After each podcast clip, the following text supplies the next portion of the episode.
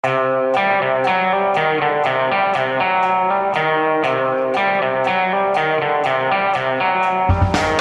nærmer seg innspurten av de innledende rundene i fotball-EM. Og hva er de sterkeste inntrykkene så langt? Og i går kom den triste nyheten om at Per Inge Torkelsen er gått bort. Hva har, vi, eller hva har egentlig han betydd for norsk humor og satire? Og hva har han betydd for Stavanger?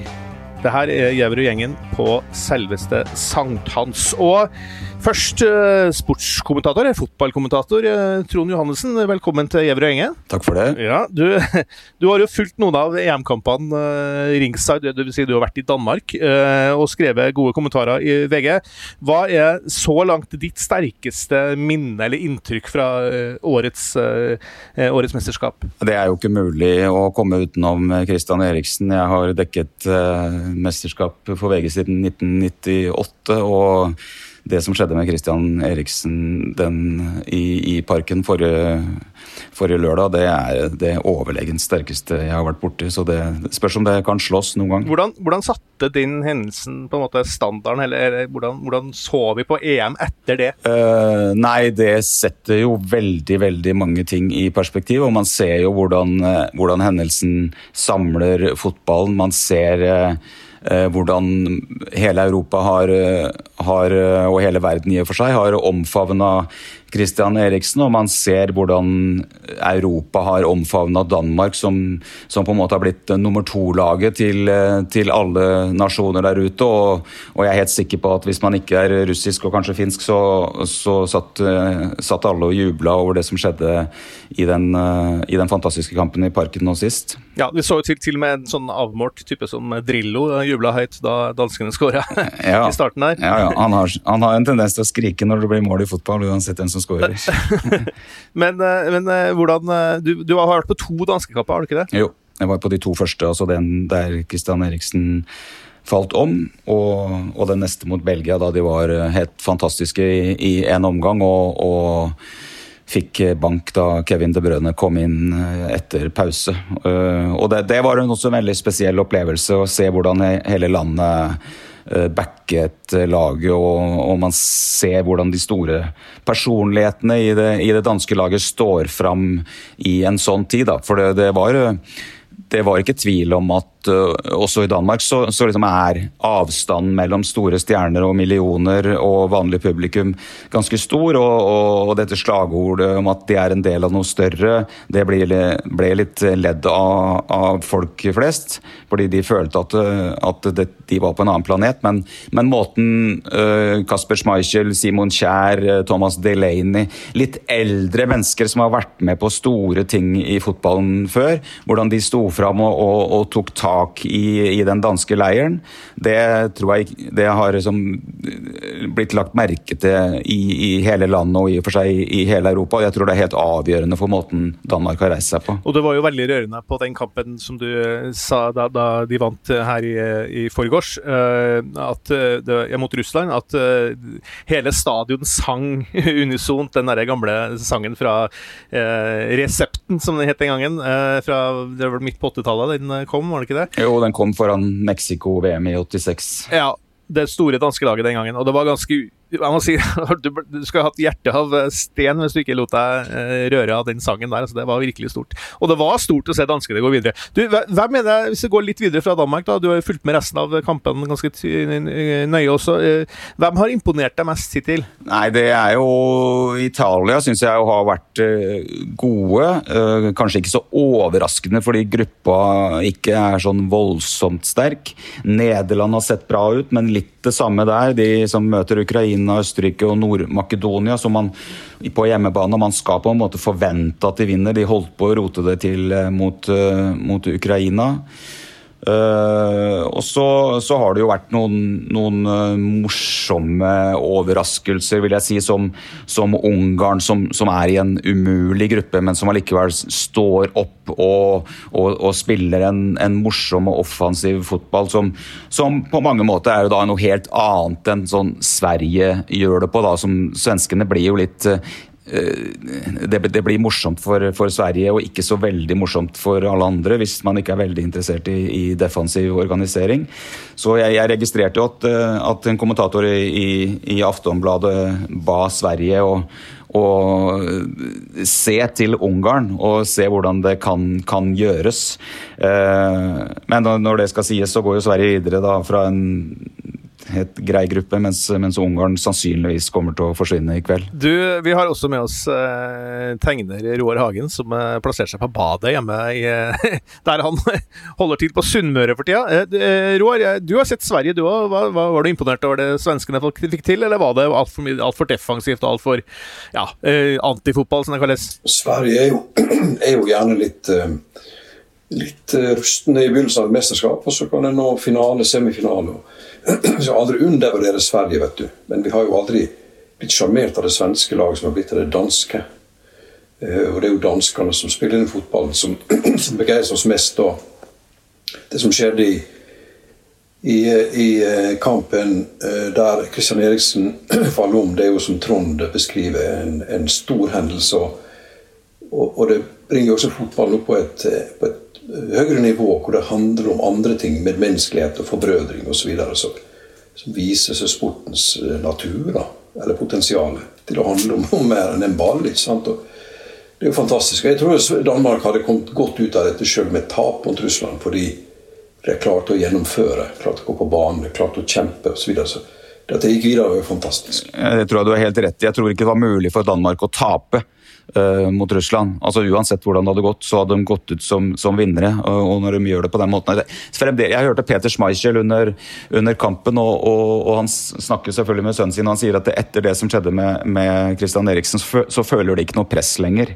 Altså det, det, de opplevde den kampen der, det kan aldri slås som press uansett. Uh, hvis uh, Ja, altså i dag, da, så er vi jo ved slutten av det der innledende rundene. og det har jo vært, Jeg syns personlig at det har vært litt merkelig med den greia at det er 24 lag, og at det blir så mye treere som går videre. Det tar litt sånn brodden eller litt spenninga ut av de der avgjørende kampene. Men i kveld så er det jo, eh, er det jo to eh, de siste puljene som skal avgjøres. Eh, det er altså Sverige-gruppa og, og, og den, den, dødens gruppe da med, med, med, Ungarn, Tyskland, Frankrike og Portugal.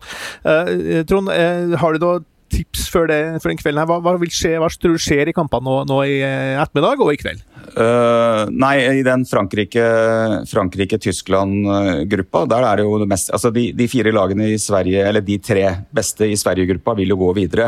Uh, i, i den andre så er vel Portugal fremdeles, i og for seg også Tyskland, men, men, Portugal, hvis de skulle gå på et stortap mot Frankrike, så, så er det vel fare på ferde der. Eh, jeg tror Frankrike slår eh, Portugal og vinner gruppa, og Tyskland slår Ungarn og, blir nummer to. Og at Portugal klarer seg så vidt som beste treer, som de gjorde da de ble europamestere i 2016. Da de, da de faktisk eh, spilte tre uavgjort i, i gruppespillet. Ehm, så, så, så, hvem som har gjort det bra til nå i en, i en, turnering, eh, er jo ofte ikke noen pekepinn på hvem som vinner til slutt. Det er veldig mange mestere som ikke, som ikke har imponert i gruppespillet når det er en, en hel måned. Så, så, må man liksom holde formen i, i lang tid, og det er bare halvparten av mesterne siden gruppespillet startet i 1980 som har vunnet sin gruppe. Så, så det er liksom vanskelig å lese så veldig mye ut av, ut av, det. Men jeg er enig med deg i at det med at treere går videre og sånn, det blir det, blir, det, er få som skal ut. Og, og det, det, er sånn som det mesterskapet her, så har det omtrent ikke vært en eneste sensasjon. Det er Finlands seier over Danmark som nesten ikke kan regnes med. Og så, så er det jo liksom Ungarn som greide uavgjort mot Frankrike.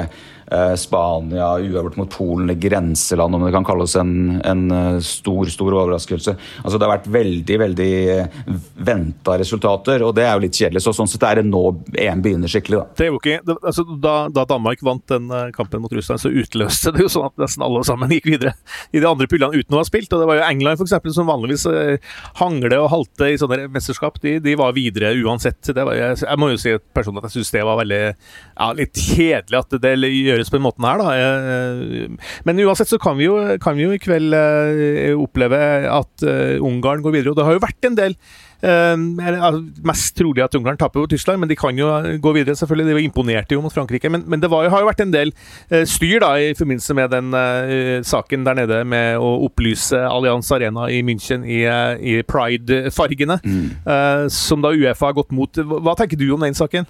Altså, jeg jeg, jeg syns det er vanskelig liksom, å ha altså, det, det, er vanskelig å mene noe annet enn at det er håpløst av Uefa, samtidig som det regnes som en politisk sak i Ungarn. De skal ikke ha politisk reklame, eller det skal ikke være polit, politikk knytta til kampene. Uh, Nei, altså jeg, jeg, jeg, jeg som syns det er, det er, selvfølgelig vanskelig å, å, mene noe annet enn at det er en helt håpløs beslutning. Uh, samtidig så liksom er det er en grense som liksom må settes et eller annet sted. Hva, hva slags uh, markeringer er det de kan godta?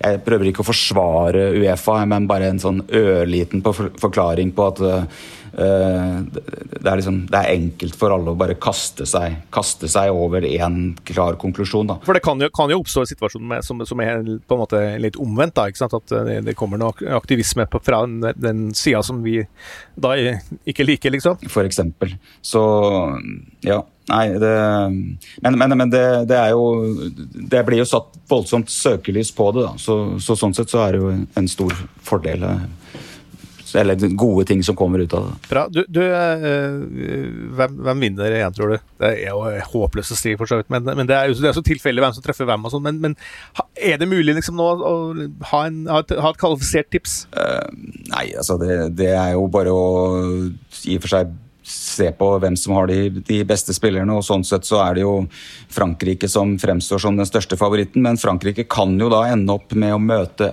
England på bortebane i neste runde. England har jo da satt seg i den situasjonen at de nå må møte Frankrike, Tyskland eller Portugal i neste kamp. Det var dumt at man vinner gruppa i går, var det ikke det? Overrasket meg litt at de gjorde det, men fordelen for England er jo at de skal spille, får spille på Wembley eh, med litt flere folk. Eh, de ønsket å være, å være der, så i, for, i, VM for tre år siden så, så, stilte de jo med reserver mot Belgia og slapp Frankrike og, og Brasil på veien mot finalen, men nå valgte de en annen vei.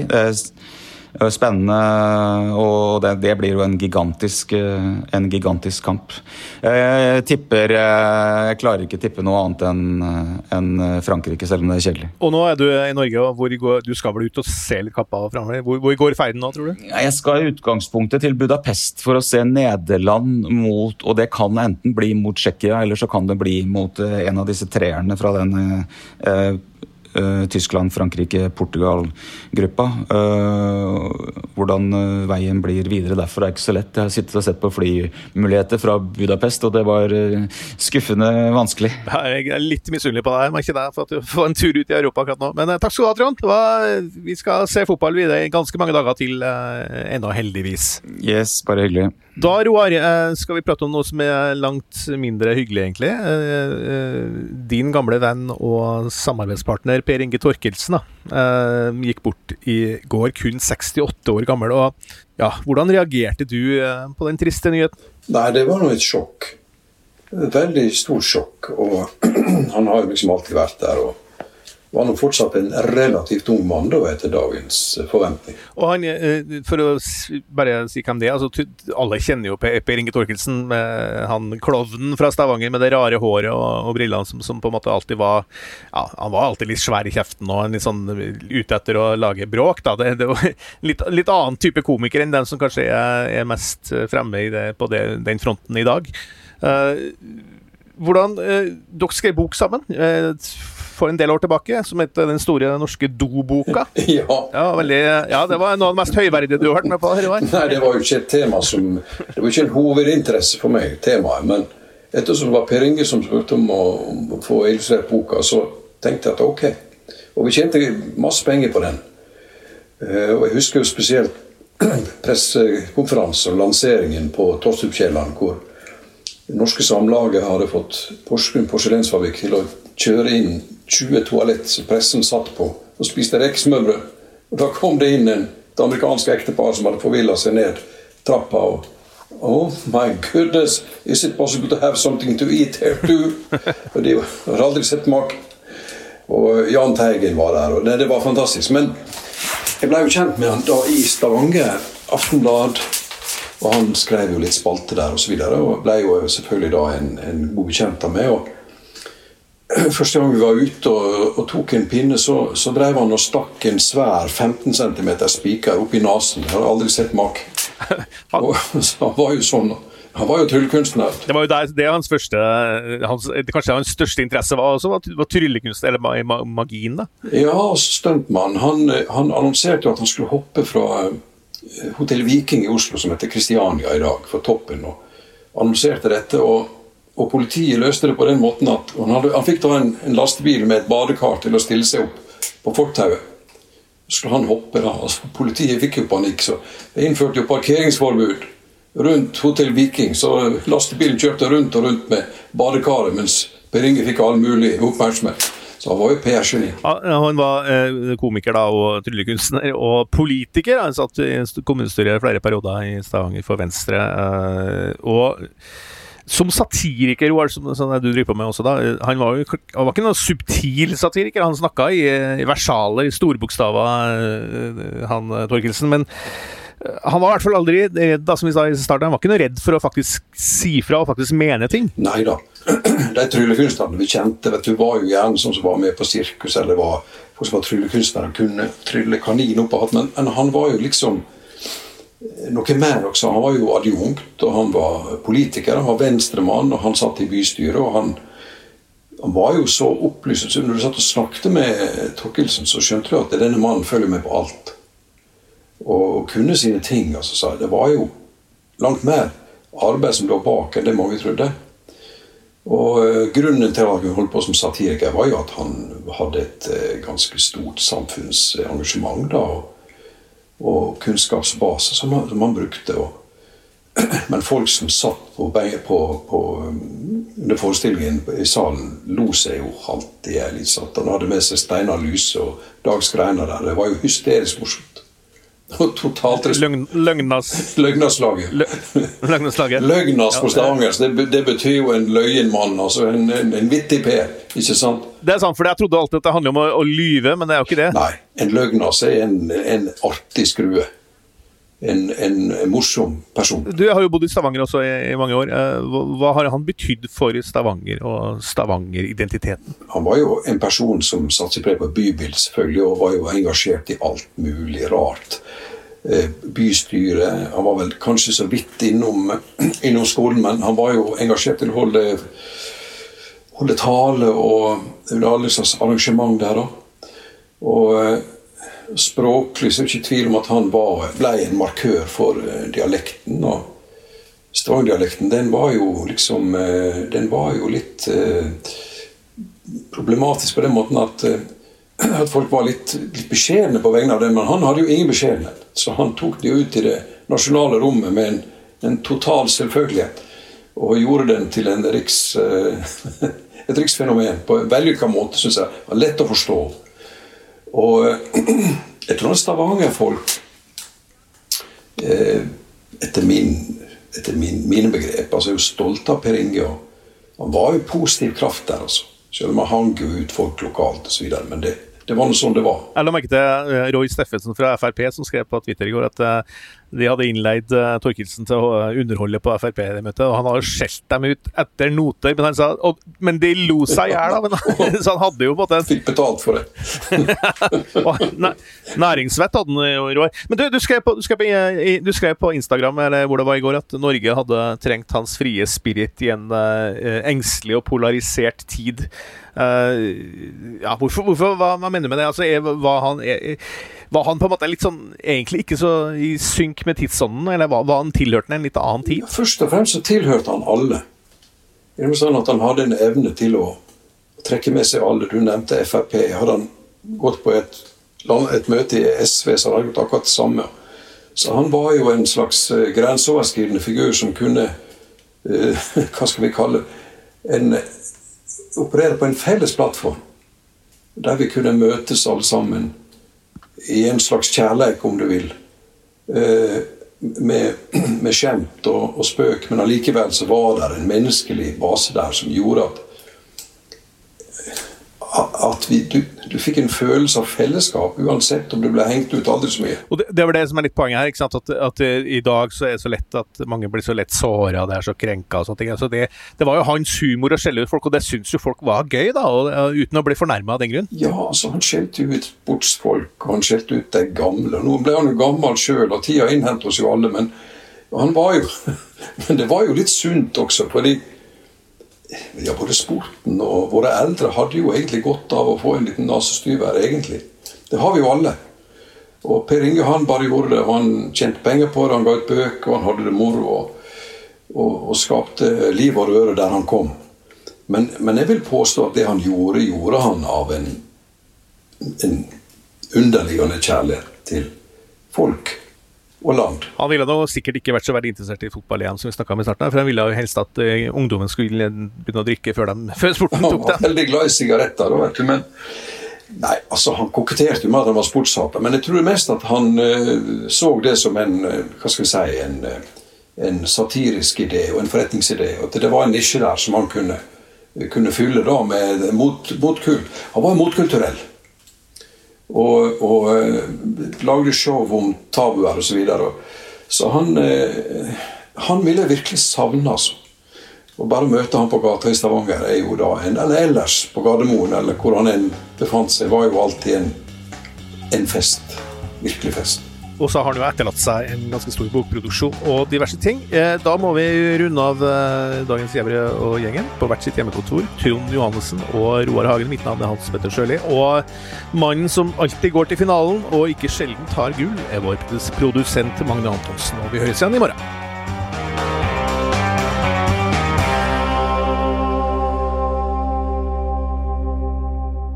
Du har hørt en podkast fra VG.